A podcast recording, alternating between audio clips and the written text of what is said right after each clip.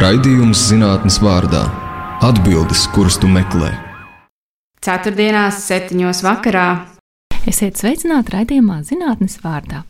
Ar jums kopā ieveseliņa. Mēs dzīvojam interesantā laikā. No vienas puses šķiet, ka vēstures notikumi atkārtojas tikai mazliet savādākā veidolā, un krīze seko krīzē, kas, protams, audzina raksturu, prasa izturību. Bet no otras puses, tehnoloģijas paver agrāk neredzētas iespējas, gan saziņā līdz cilvēkiem, gan alternatīvas digitālas pasaules. Ja tikai varētu saprast, kas ir īsts un kas nē. Mūsdienās patiesi vairs nevar uzticēties pat savām acīm. Papildinātās realitātes rīki ļauj katram iemetināt savā viesistabā pat tīģerim vai žņaudzēju čūskai, ceļās filtrošanas tehnoloģijas ieliek mutē jebkādu tekstu brīvi izvēlētai personai, un ziņas sociālos tīklos mijas ar viltus vai pat dezinformāciju ziņām.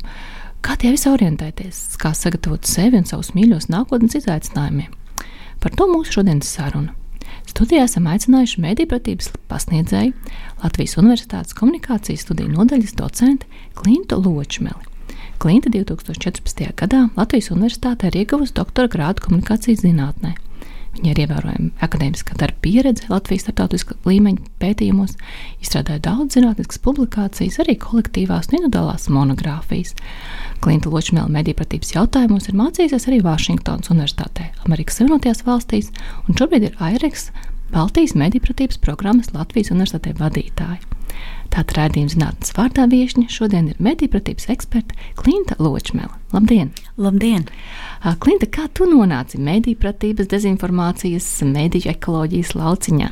Nu, stāsts sākas jau ar 2003. gadu, kad es sāku studēt komunikācijas zinātni Latvijas Universitātē, bet nu, tāda ciešāka sasaiste tieši ar mediju pratību ir kopš 2015. gada, kad es sāku strādāt kultūras ministrijas mediju politikas nodaļā. Tolaik tā bija jaunizveidota nodaļa, kuras pārziņā bija sākt plānot, kā tad mediju vidēji attīstīties Latvijā, un tad arī mēs vispār bijām pirmie, kas nu, to mediju pratību paņēmām zem savas pārna, jo līdz šim nebija bijis tāds politikas plānošanas dokuments, kurā vispār būtu iekļauta mediju pratība un būtu akcents uz to, ka sabiedrībai būtu vairāk jāizglītojas šajā jautājumā. Un tā nu jau septiņus gadus mediju pratība ir kļuvusi par tādu man sirdī ļoti tuvu specializāciju. Tavas agrākās pētnieciskās intereses iekļāva sociālo atmiņu, kas sanāk saikne starp sociālo identitāti un vēsturisko atmiņu. Kādēļ tas ir jāpēta? Tas ir ļoti svarīgi. Jūs jau minējāt vārdu identitāte. Gan identitātes ziņā, gan arī tādas, nu, pat varētu teikt, arī valstiskā, valstiskās nozīmes un tādas valstiskās apziņas ziņā arī. Dzen, jo sociālā atmiņa nenozīmē tikai tā, to, ko varam izlasīt vēstures grāmatā. Sociālā atmiņa tiek veidota gan ar filmām, gan to, ko mums stāsta ģimenes locekļi. Un tas arī ir ļoti tāda būtiska daļa tam, kā mēs sevi jūtam, kā mēs sevi identificējamies, un vai mēs saskatām, ka mums ar pārējiem sabiedrības locekļiem ir kopīga sociālā atmiņa. Un tas, ko stāsta ģimenes locekļi, par to ir arī tava grāmata, neizstāstītā vēsture, skolu mājas atmiņas, vai ne? Jā, tas gan bija pētījums 2011. gadā, kāds laiks ir pagājis, bet jā, sociālā atmiņa tur bija šīs, šīs grāmatiņas centrā. Un par ko ir šī grāmata? Ko tad um, stāsta mūsu ģimenes vai nestāsta? Mans kā pētnieces nolūks bija izpētīt uh, tieši koncentrējos uz Latgales uh, uh, vidusskolām, uz vidusskolēniem, kāda ir sociāla atmiņa par tādiem nu, vēsturē svarīgiem notikumiem un, un, un vēstures dalībniekiem, kā piemēram jā, nacionālie partizāni vai, vai piemēram deportācijas uz Sibīriju. Un mans iedvesmas avots bija Orlando Faidžīs, tas ir autors, kuram tāda diezgan bieza grāmata ar nosaukumu Čukstētāji, kurš ir izpētījis, kā cilvēkiem padomju laiks un tajā piedzīvotās represijas un um, dažādie sāpīgie brīži uh, ir radījuši traumu un vēlēšanos noklusēt, nevis runāt par šiem jautājumiem. Un līdz ar to arī izveidojas tāds vesels atmiņu pārāvums, jo ir paudzes, kuras par tām savulaik padomju laikā par šiem notikumiem nerunā un nestāstīja, jo bija iebiedētas, ka pēc tam var sekot vai nu jā, kāds, vai nu, piemēram, nevar, nevar iestāties rindā uz automašīnu, vai arī var tikt atlaists no darba, vai, vai piedzīvot jā, kādas, kādas represijas tieši tāpēc, ka ģimenē ir bijis kāds leģionārs vai nacionālais partizāns, piemēram. Bet kāpēc viņi sauc par čukstētājiem? Tāpēc, ka tas tāds ļoti tēlains, tēlains veids, kā apzīmēt to, kā padomju laikā cilvēki tomēr centās, nu, tie, kuri uzdrošinājās runāt ar tuviniekiem, un to reizēm darīja ļoti klusiņām, pie aizvērtām durvīm, aizvērtiem aizkariem, jo bija jau tas uzskats, ka sienām ir ausis, ik viens var noklausīties, ik viens var nosūdzēt, un arī tad, kad Ziemassvētkos iededza svecītes eglītes zaros, tad arī aizvēra aizkarus, lai nu neredzētu, ka ģimene atzīmē šos svētkus. Un tāpēc ir tāds jā, poetiskais apzīmējums, ka tie stāsti tika izstāstīti tādā ļoti uh, klusā, pušķukstus manierē, baidoties, ka kāds var uzzināt to, ka ģimenē par to tiek runāts. Un savā ziņā var arī saprast tos vecākus, kuri nestāstīs saviem bērniem, lai bērns skolā neizstāstītu. Jā, jo tieši, tieši arī parādījies šis pētījums, un arī Rolando Faidžīs grāmata, arī to, ka cilvēkiem bija iedvestas ļoti lielas bailes, un līdz ar to dažkārt tie temati vispār tika izstumti ārā no potenciālā sarunu loka. Piemēram, jā, pat ja arī vecmāmiņai kaut ko pajautā vai vectēvam par, par karu, tad seko vai nu strikts norādījums, ka par šo tematu vispār nerunāsim, vai arī tādu nu, iekapsulēšanās klusumā par to. Un to arī rāda pētījumi. Viena igauņu pētniece arī bija secinājusi, viņa pēc jau neatkarības atjaunošanas runāja ar cilvēkiem, kas ir piedzīvojuši dažādas Staļina laika represijas, ka cilvēkiem ir ļoti grūti par to runāt. Un ir interesanti tas, ka, ja mēs kaut ko bieži stāstam, mēs esam jau ierunājušies, mums ir ļoti raita valoda par to, bet viņi secināja, ka pat pēc neatkarības atjaunošanas šie cilvēki, acīm redzot, pirmo reizi varbūt viņai kā pētniecei to stāstus uztic, jo viņi runā lēnām, meklē vārdus, mēģina atcerēties. Tas nozīmē, ka pirms tam tas nav ticis izrunāts, un tikai tagad tiek mēģināts kaut kā to traumu sadziedēt. Un atrast vārdus, lai izstāstītu savu pieredzi. Un atrast vārdus, jā, tieši tā. Kas parādījās, vai mūsu skolēni pārzina savas dzimtas um, likteņus? Ļoti dažādi. Tas ir ļoti atkarīgs no ģimenes. Bija ģimenes, kurās tās atmiņas ir nodotas no paudzes paudzē, un ir ģimenes, kurās tiešām ir tas pārāvums. Un uh, arī man bija anketas uh, skolēnu vecākiem, kuras viņi aiznesa mājās, un es arī tur lūdzu padalīties, kā tad uh, tiem, kas bija nu, vecāki bērniem, tajā 2011. gadā, kā viņiem pašiem bija, jo viņi gāja skolā un sanāk padomju gados, un bija daļa tādi, kas, kas arī atbildēja, ka viņiem neko nestāstīja, un šobrīd viņi gribētu izstāstīt saviem bērniem, bet vairs nevar, jo viņu vecāki jau ir taisaulē, vairs nav kam pajautāt, un vienkārši viena paudze, vienā paudzē ir tas atmiņu iztrūkums. Līdz ar to šeit es arī varbūt varu izmantot izdevību un aicināt arī šādā valsts svētku kontekstā un kopumā runāt ar saviem vecākiem, vecvecākiem, kaimiņiem, visiem ikvienu, kas var padalīties ar savām atmiņām un savu piedzīvoto. Uzskatu, ka ģimenē jārunā par vēsturi. Noteikti ģimenē ir jārunā par vēsturi. Ir tikai, protams, risks tajā, ka ģimenē var arī iedēstīt visai greizu izpratni, vēstures izpratni, piemēram, par to, ka okupācija nav bijusi un ka Latvijas republika pati labprātīgi, piemēram, ir pievienojusies Padomju Savienībai, bet kopumā šādi ģimenes stāsti, individuālie stāsti ir ļoti nozīmīgi gan tajā identitātes veidošanas procesā bērnam, jaunietim, gan arī, lai lai izprastu to laiku un kontekstu, jo ir lietas, kas nebūs rakstītas tādos oficiālos pētījumos. Tas ir tas, ko mēs varam uzzināt, ko, ko pats cilvēks ir piedzīvojis, ja viņš padalās kā tā laika atsauliecinieks. Kas ir tās tēmas, ko vajadzētu izrunāt? Un droši vien šeit ir pirmkārt tas izriet atkarībā no tā, cik, cik senas atmiņas ģimenē ir pieejamas, kā, kurš ir vecākais seniors vai vēl kāds, kurš atceras, kā notika, piemēram, jā, izsūtīšana uz Sibīriju, vai atceras, kā notika, piemēram, kolhozu veidošana, ka, kad cilvēkiem zemniekiem atņēma viņu gotiņas, kur katra bija apčubināta un katra iedots vārdiņš un pēkšņi tās aizved projām. Cilvēkiem tika salauztas dzīves, tika nu, iedragātas sadragāts nu, gan tāds vispār dzīves spēks, gan, gan kopumā ticība dzīvei un, un, un labajam kā tādam. Un šeit es domāju, ka ir varbūt jāsāk ar tādām mazāk sāpīgām atmiņām, jo sākt uzreiz vaicāt par ļoti smagiem notikumiem, cilvēkam būs emocionāli grūti uzreiz sākt runāt un atvērties. Tās varbūt pat ir vairākas sarunas. Jāsāk varbūt ar fotoalbumu, ar kādu bilžu pāršķirstīšanu, ar, ar atkāpjoties, nezinu, 30 gadus senā vēsturē par trešo atmodu, piemēram, un tad jau varbūt doties arī nu, dziļāk, tālāk un runāt par tādām smagākām tēmām, jo tas noteikti nav tāds temats, kuru atnākt un izrunāt desmit minūšu laikā. Tur ir jārēķinās, ka tās var būt pat vairākas stundas un varbūt arī ar tādām asarām acīs, jo tas, tas ir tāds jā, sāpīgs, sāpīgi, sāpīgas mūsu vēstures lapuses, kuras nevienmēr tā viegli un ātri un raiti var, var izstāstīt. Un tās jau ir katram pašam cilvēkam ļoti sāpīgas, personīgi sāpīgas lietas, un par savu traumu vienmēr ir grūti stāstīt. Jā, it sevišķi, ja tā trauma vēl nav pašam tā nodefinēta, un pašam nav tā sajūta, ka tā ir tā mana trauma. Ja, ja vienkārši ir varbūt nepatika runāt par to laiku, bet cilvēks varbūt vēl neapzinās, kāpēc. Un tāpēc mm, ir. Varbūt tāpēc, ka 50 gadus bija jāmelo par to. Iespējams, eh, es drīzāk teiktu, ka tāpēc, ka cilvēkam 50 gadus bija um, iedzītas bailes, ļoti iedvestas milzīgas bailes nonākt kaut kur čekas pagrabos, vai, vai ka ar viņu ģimeni notiek kaut kas slikts, un tāpēc tie temati tika apzināti nobīdīti kaut kur otrajā plānā, lai uh, nu, vienkārši dzīvotu dzīve uz priekšu, un, un par to daudz varbūt nu, nerunāts, lai gan, protams, iekšā jau varbūt tas arī gruzdēja, un, un bija arī ģimenes, protams, protams, ir arī ģimenes, kurās eh, tie, tie atmiņas stāsti ir nodoti tālāk nākamajām paudzēm. To es arī uzrakstīju nodaļu grāmatā pēdējais karš, atmiņa un traumas komunikācija.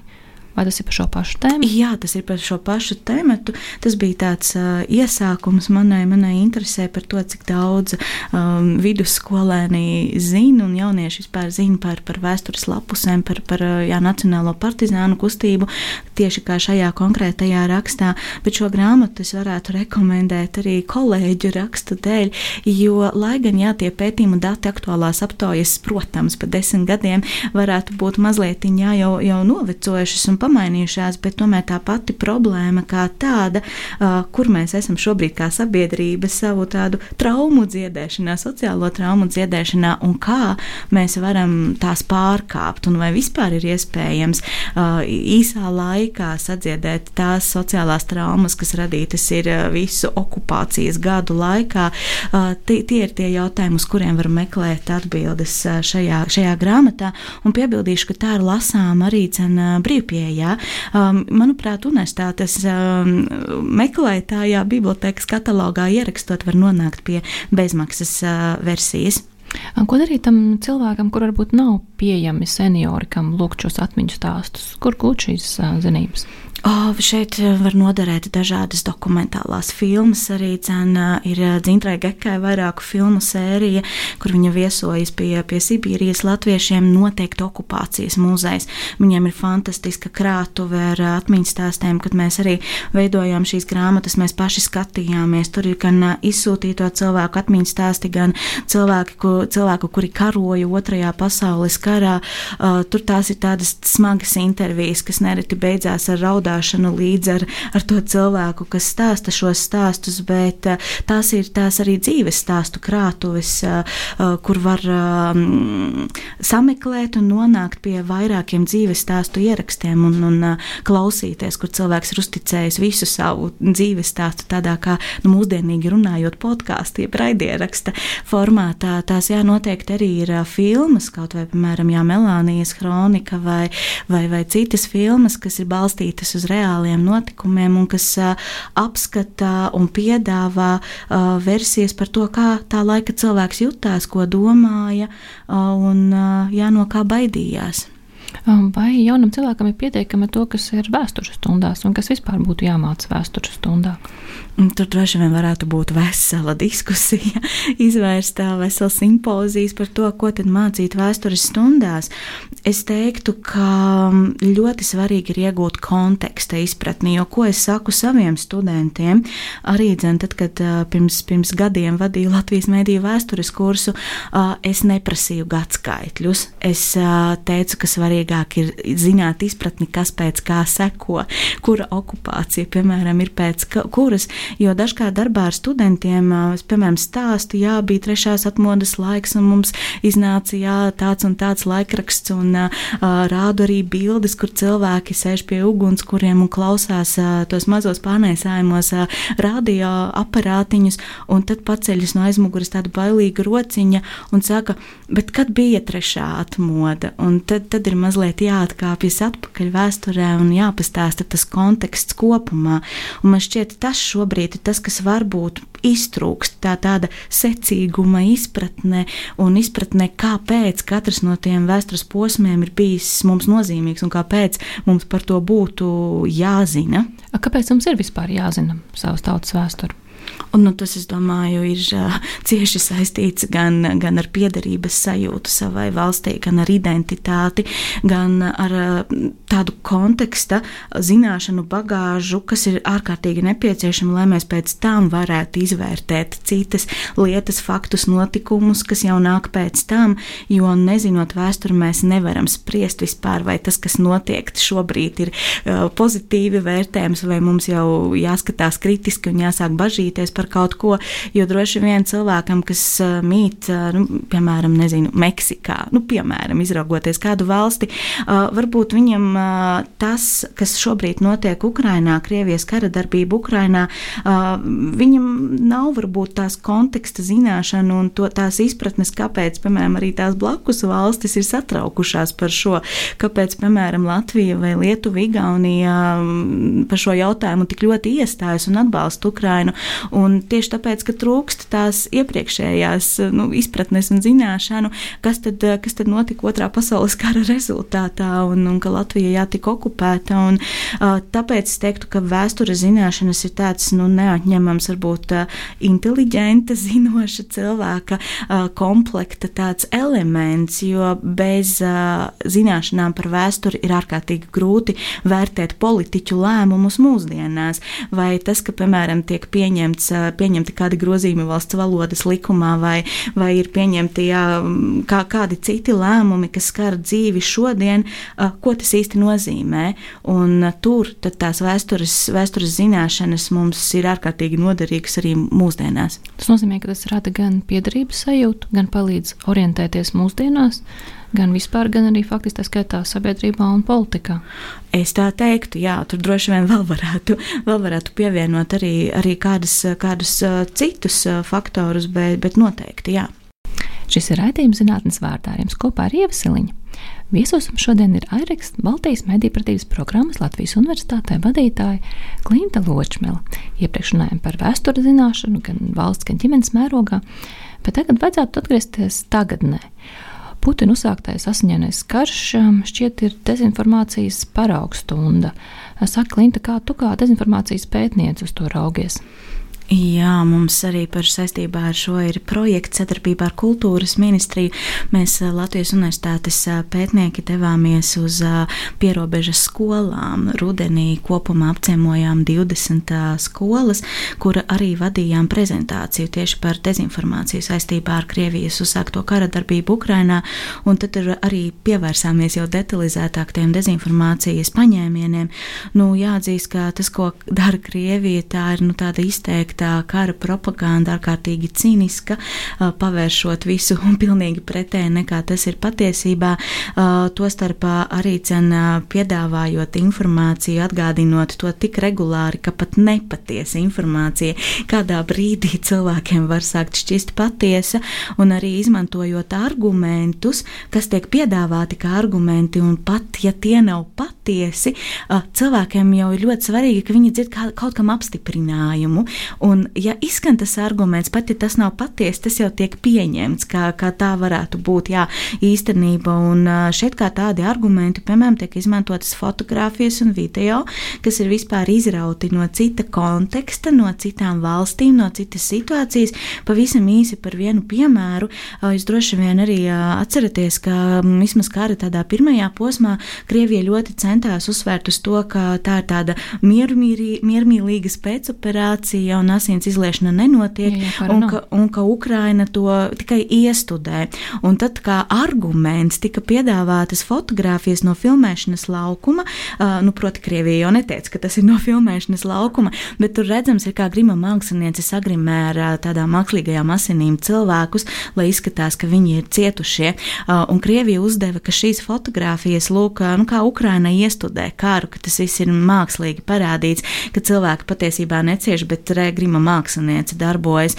Bet īstenībā mēs internetā varam atrast, ka tā fotografija ir no filmas uzņemšanas laukuma, kas bija uzņemta 20. vai 21. gadā pirms vēl šā gada iebrukuma Ukrainā, bet vienkārši paņemts cīniski attēls no cita notikuma un uzdots kā tāds, kas ir attiecināms uz šo situāciju un šo brīdi. Un tāpat arī ir dziļviltojumi, jeb angļu valodā deepfake. Šeit gan nav skaidri zināms, ka to ir radījusi Krievijas puse, bet es pieņemu, ka daļa no klausītājiem varētu būt kaut kur redzējuši sociālajos mēdījos dziļviltojumu, kurā redzams Ukrainas prezidents Volodimirs Zelenskis, kur it kā viņš saka, ka Ukraina padodas un aicina karavīrus nolikt uh, ieročus, bet patiesībā tas ir mākslīgā intelekta palīdzību sintēzēts video. Tur gan diezgan nemākulīgi jāatzīst, tur ir, ir vairākas tās pazīmes, pēc kurām var atpazīt, ka tas nav reāls video, bet nu, tā tad tiek izmantoti dažādi paņēmieni, lai nu, mēģinātu jā, cilvēkus pārliecināt par savu taisnību. Un īsi piebildīšu vēl vienu, arī tāda dezinformācijas veidošanas tehnika kā viltvāržu princips. Un viltvāržu princips, nu, kā liecina pats nosaukums, nozīmē to, ka tiek nu, kāds uzdodas par kaut ko citu. Un tad, kad Ukrainā bija arī Kramatorskas dzelzceļa stacijā, bija tāds gaisa uzbrukums un arī gāja bojā diezgan daudz cilvēki. Sociālajos mēdījos, arī Krievijas valsts televīzijas, sociālajos mēdījos Telegram grupās parādījās video, kur ir apgalvots, ka šo uzbrukumu veica paši Ukrāņi, tātad nu, saviem cilvēkiem. Un tajā video bija izmantots BBC logo. Un tur jau ir skaidrs, ka tiek nu, notiek uzdošanās par tādu uzticamu mēdīju, kā Lielbritānijas sabiedriskais mēdījis BBC, lai radītu tādu uzticamību, lai radītu iespēju, ka trešā neatkarīgā puse, ka lūk, pat Lielbritānija nu, saka, ka, ka Ukrāņi paši apšauda savus iedzīvotājus, un nu, pat tādi paņēmieni, kā tādas uzticamas kompānijas, kā BBC logo izmantošana tādos safabricētos video, kas tiek izplatīti sociālos mēdījos. Nu, sanāk, tā ir milzīga, milzīga mašinērija, kam ir ļoti daudz gan fotografiju, gan laika, gan prasmes video veidošanā? Jā, mēs jau patiesībā jau kopš neatkarības atjaunošanas esam piedzīvojuši tādu diezgan lielu Krievijas ietekmi uz mūsu informatīvo telpu un arī Krievijas politikas plānošanas dokumentos. Tagad pa šiem gadiem varbūt ir mainījušies dokumentu nosaukumi, bet vismaz vēl pirms dažiem gadiem gan viņu nacionālajā drošības stratēģijā, gan masu komunikācijas un kultūras pamatnostādnēs bija teikumi, kuri skaidri minēts, ka mēs mēs gribam saglabāt ietekmi Baltijas valstu informatīvajā telpā.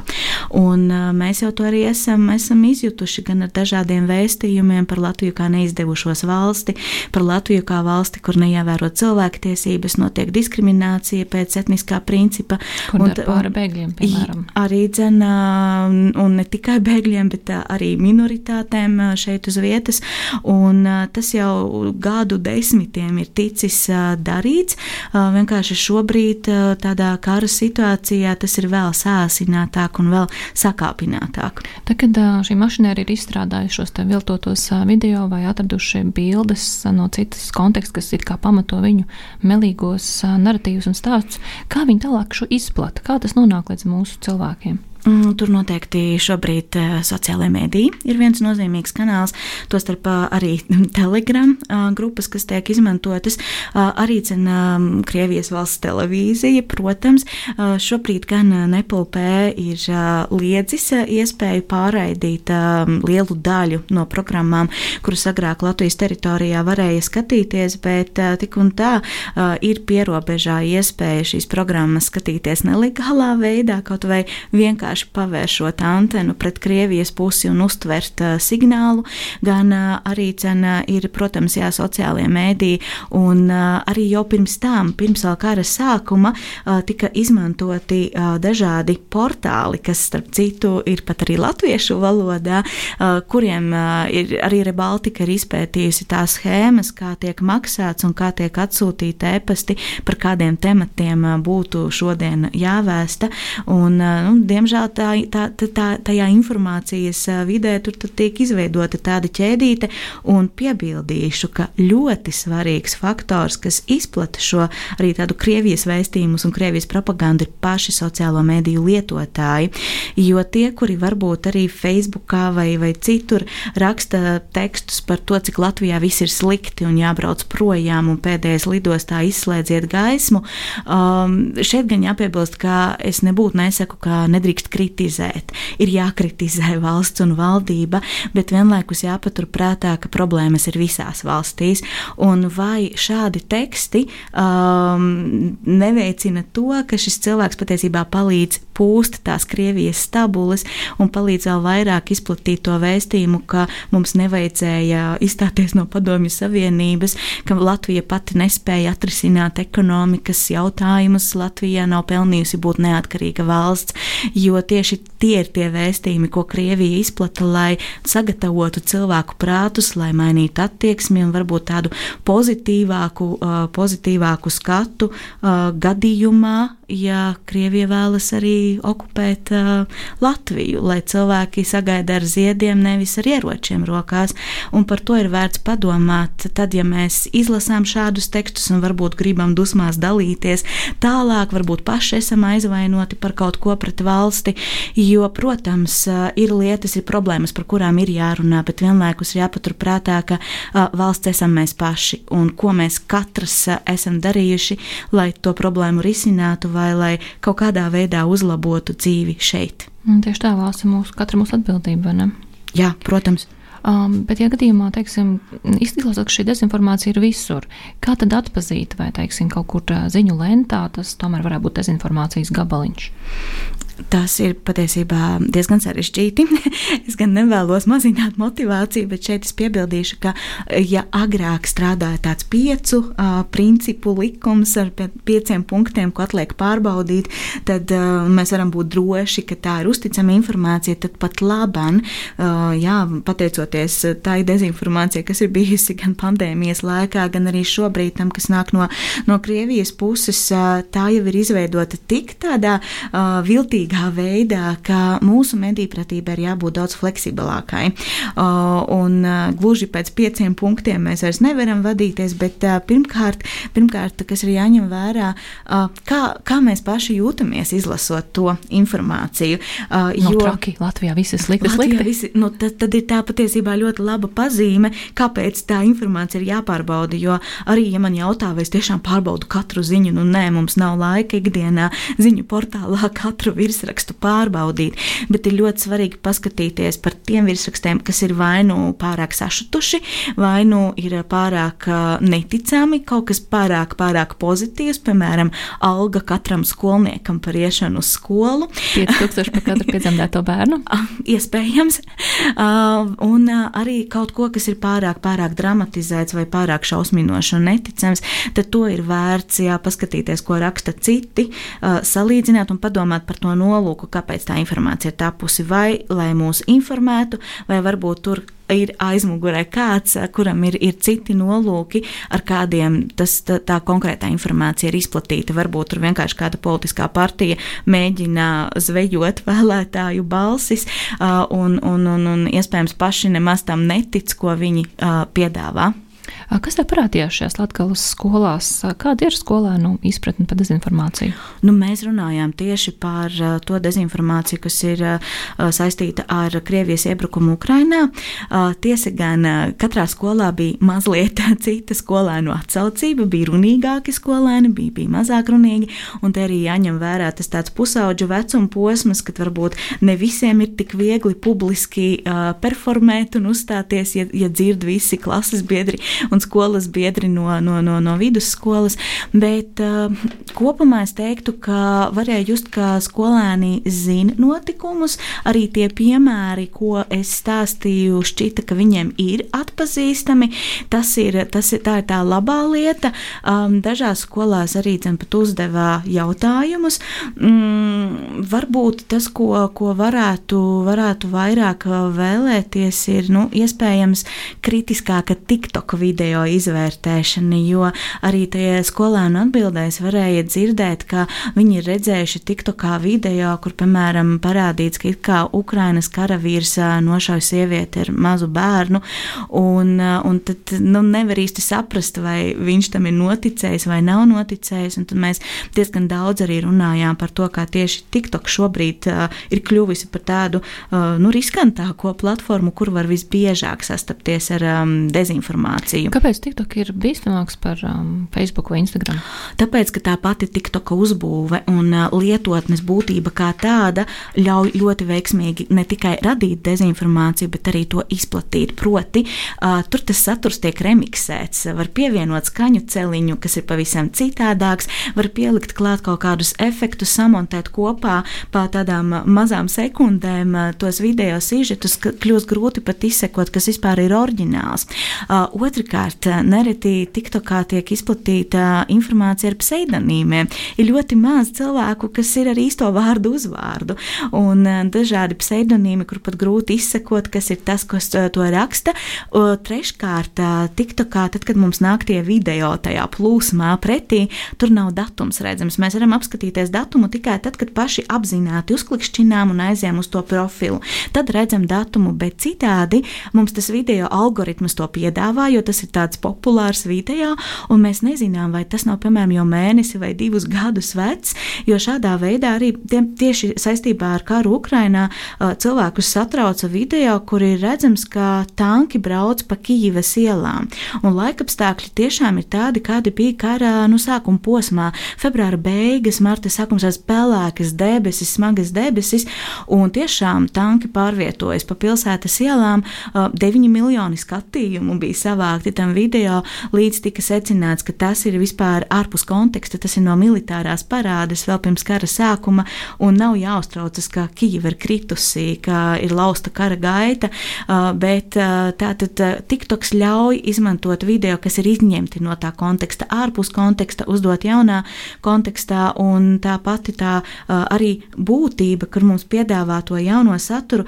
mēs varbūt pat tiem cilvēkiem nemaz nesekojam, bet ja algoritmam šķitī, pretīs, ka tas video ir populārs, mums var piedāvāt no daudz dažādiem satura veidotājiem, un mēs pat nezinām, vai tiešām tā ir parodija, vai tās ir ziņas, vai tas ir mēģinājums mūs dezinformēt. Līdz ar to sanāk vieglāk uzdurties uz kaut ko, kas nepatiesa.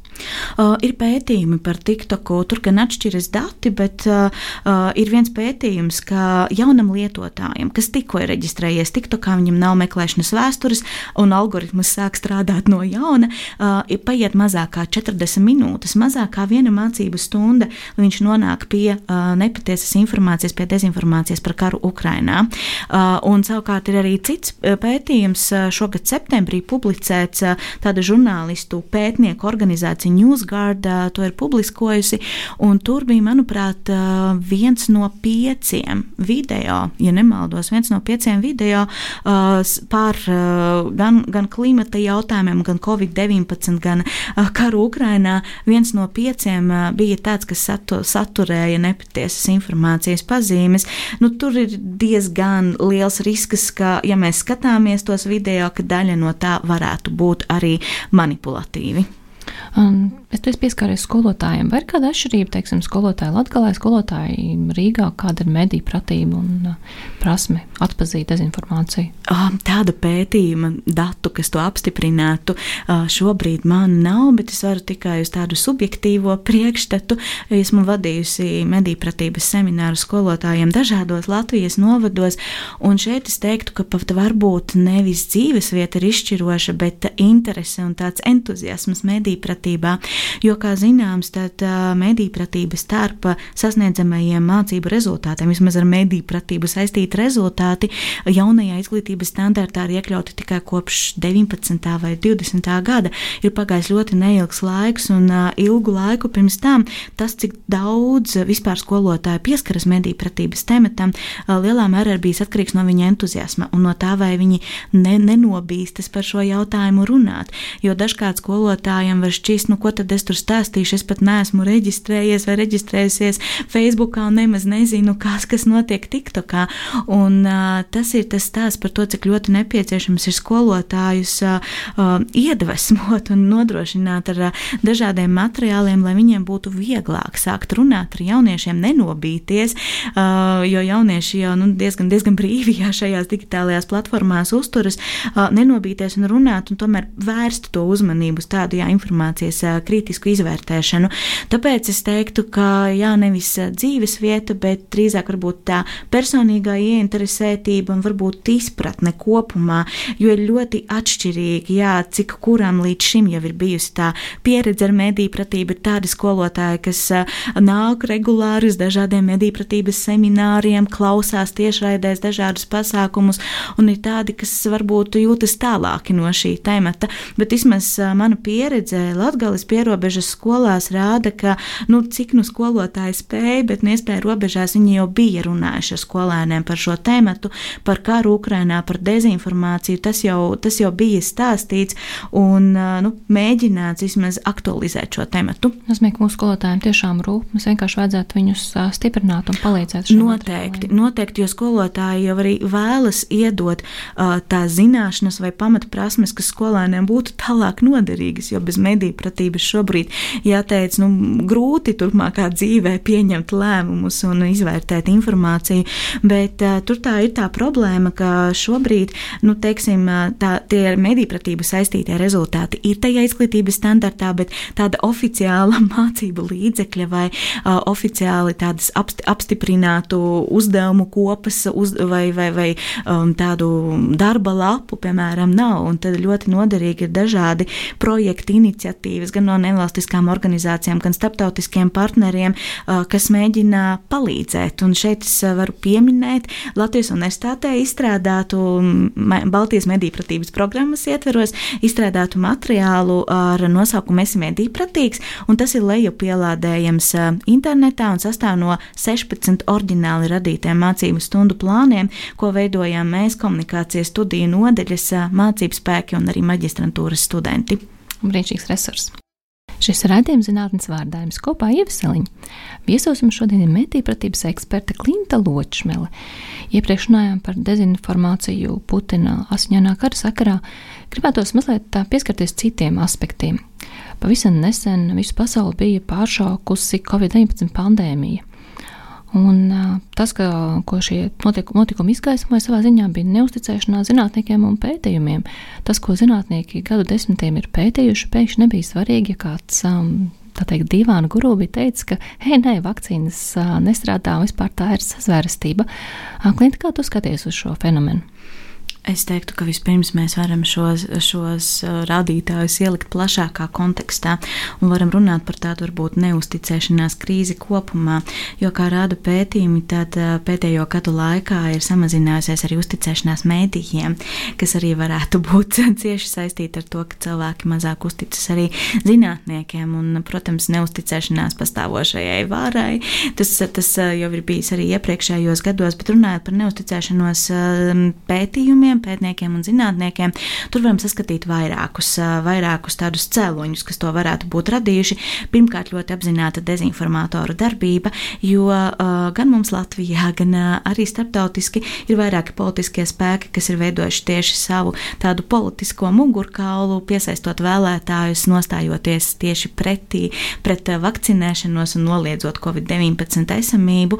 Un, protams, tāda intensīva komunikācija, kas bija sociālajos mēdījos vērojama arī dažādās sarakstes grupās, tajās pašās telegram kanālos, tas viss nu, ne, nepalika, diemžēl, bez sekām un mēģināja arī paraut līdzi tos cilvēkus, kas varbūt bija, bija šaubīgi un vēl nezināja, vai ticēt zinātniekiem vai ticēt dezinformatoriem.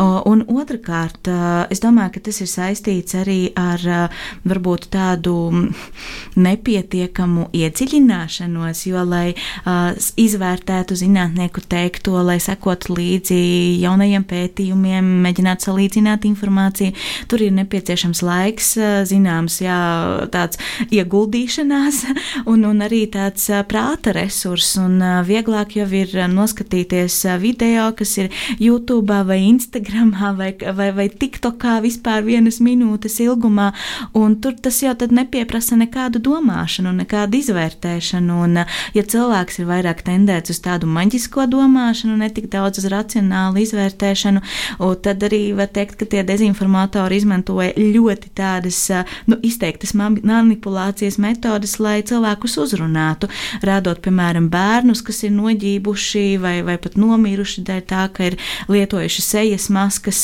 gan dažādus. Man, starp citu, arī Jana Altenberga, nu jau komunikācijas zinātnes maģistrē, viņa manā vadībā gad, šogad pavasarī aizstāvēja, izstrādāja maģistra darbu un aizstāvēja tieši par dažādiem tādiem manipulācijas paņēmieniem, ko izmanto, piemēram, vakcīnu realitātes lapa, un tur arī parādās gan manipulācija ar attēliem, kas ir rūpīgi izraudzīti, šausmas iedvesoši tādi, kas, kas cilvēkam strādā uzreiz uz tādiem instinktiem, rada bailes, šausmas un tādu baisu sajūtu, gan arī um, sagrozot informāciju, sagrozot citātus. Uh, tur ir vesela virkne ar tiem paņēmieniem, kas uh, nu, palīdz cilvēku uzķert uz, uz āķa.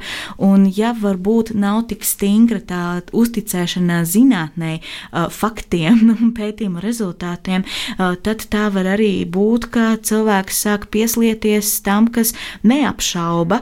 Jo šeit jā, tāda pēdējā piebilde no manas puses, kāpēc dažkārt vispār dezinformācija izplatās tik veiksmīgi, jo tā piedāvā ļoti skaidru pasaules ainu. Vainīgie upuri, balts, melns, ļoti saistīti arī ar citām konspirācijas teorijām, ka ir kādi, kas pārvalda pasaulī, Soros, Bills, Bills Gates vai kādi citi. Bet tā īstenība arī zinātniekiem un mediķiem patiesībā Covid pandēmijas sākuma posmā un vēl arī vidū nemaz viss tik skaidrs nebija. Tur bija daudz pelēkā, vēl pelēkā zona, kur nevienmēr var sniegt atbildes, bet dezinformatoriem atbildes bija vienmēr, un cilvēka prātam nepatīk neskaidrība. Mums patīk lietas, kuras ir skaidras, sakārtotas, un līdz ar to tiek arī nu, šis, šis tāds mūsu domāšanas trūkums tiek izmantots, un tad dezinformatori piedāvā uzreiz, kurš ir vainīgs, pret ko ir jāiestājas, ļoti sāsina dažādas sekas, kas, piemēram, var, var būt vakcinācijas rezultātā, un uh, cilvēks ir pārliecināts. Īstenībā tāpat jau bija arī viduslaikos. Bija skaidrs, kurš ir vainīgs. Ragana ar melniem kaķiem un dedzinām nost. Jā, jo, jo ir, ir svarīgi noskaidrot, kas tad ir tas grēkāzis. Ir daudz grūtāk pieņemt tādu neskaidrību un neziņu, kas vispār sekos tālāk, vai, vai, vai, vai, vai pieņemt to, ka mums nav šobrīd atbildes uz pilnīgi visiem jautājumiem. Un tas sanāk patiesībā kāda cilvēka vai pašlabuma vārdā vai ar tiešām naidīgiem iemesliem pret mūsu valsti veido šīs sabiedrības grupas, kas domā nekritiski un lēmumu pieņemšanu par savu dzīvi, par savu valsti atstāja kādu citu cilvēku vai kādu teikt, guru ziņā? Nu, te mēs varētu izdalīt um, divus, uh, divus tādus paveidus. Ir viens jēdziens dezinformācija, kas nozīmē, uh, tas tā ir informācija, kas apzināti, pavisam apzināti ir veidota un publiskota uh, ar tādu ļaunprātīgu nolūku, vai nu lai gūtu sev kādu ekonomisku labumu, savāktu klikšķus savai lapai, piemēram, vai lai uh, radītu šaubas, uh, sētu paniku sabiedrībā par kādiem jautājumiem. Proti, tiek nodarīts sabiedrībai kāds kaitējums, tos, tostarp arī nu, mazināts tāda miera un drošības sajūta sabiedrībā vai nomelnota kāda, kāda persona. Un tad ir tāds jēdziens misinformācija. Un kā es smējos, bija šī jēdziena, es zināju, ka tāds pastāv, bet es pati to nelietoju līdz pagājušā gada augustam, kad nonācu Vašingtonas universitātē. Un es sapratu, ka tie visi pētnieki un profesori, kas nāk pie mums un runā, ļoti bieži misinformācijas jēdzienu piemin. Un tagad šobrīd es jau esmu kā tāda šī jēdziena advokāte Latvijā, jo misinformācija nozīmē, ka tā informācija joprojām ir nepatiesa, bet cilvēks, kas ar to ir dalījies, viņam nav tā ļaunā nolūka. Un varbūt viņš gribēs palīdzēt citiem, hei, re kādu informāciju atradu, izlasiet arī jūs, vai arī viņš svēti tic tam, ar ko pats dalās. Un, no, ja skatās no šāda skatu punkta, tad liela daļa tās nepatiesās informācijas sociālajos mēdījos varētu tikt traktēta arī kā misinformācija, jo ir vieni dezinformatori, kuri to nopludina, kuri to informē ar, ar tādu varbūt apzinātu nolūku, un tad ir tie, kuri dalās tālāk. Jā, viņi dalās ar nepatiesu informāciju, bet viņiem nav tā sliktā nolūka, ka tagad es jūs visus dezinformēšu. Tāpēc ir ļoti svarīgi pašam nekļūt par šo misinformatoru. Jā, jo arī ir tāds teiciens, ka dezinformācijas jau sociālajos mēdījos nebūtu, ja neviens ar to nedalītos. Mēs katrs pats esam vārti, kas var vainu to informāciju apturēt, dezinformācijas plūsmu, vai arī pavērt plašāk, ja mēs nospiežam to podziņu dalīties un pārsūtam vēl saviem 800 sekotājiem, piemēram. Bet kāds tad ir medīpratīgs cilvēks? Nu, kādam man jābūt? Lai nebūtu misinformācijas izplatītāji. Mēs varētu zīmēt tādu plakātu, ko, ko pielikt pie, pie, pie, pie sienas. Uh, nu, noteikti mediju pratīgs. Uh, nu šeit, šeit patiesībā es gribētu jā, veidot tādu sasaisti uz vispār mediju pratības definīciju kā tādu, jo tā laika gaitā arī ir attīstījusies. Ja pagājušā gadsimta 90. gadu sākumā ar mediju pratību vairāk tika izprasta tāda uh, prasme analizēt informāciju, saprast nolūku, ar kādu tā ir uh, izplatīta, tad nu, šobrīd tai defin definīcijai nu, dažādi autori, bet nu, tiek, tiek pieliktas klāt vēl jaunas un jaunas lietas, un būtībā medīpratīgs cilvēks, es teiktu, izprot sasaisti starp to saturu, ko saņemam, vienalga kādā formātā, vai tas ir sociālais mēdījis, vai tā ir reklāma, vai, vai tas ir televīzijas raidījums, ar to kontekstu, izpratni, kā tas, konteksts, kurā mēs dzīvojam, sabiedrības vērtības, stereotipi sabiedrībā, piemēram, ietekmē mediju saturu, un otrādi, kā tas, ko mēs lasām, ne tikai medijos, bet arī sociālajos medijos,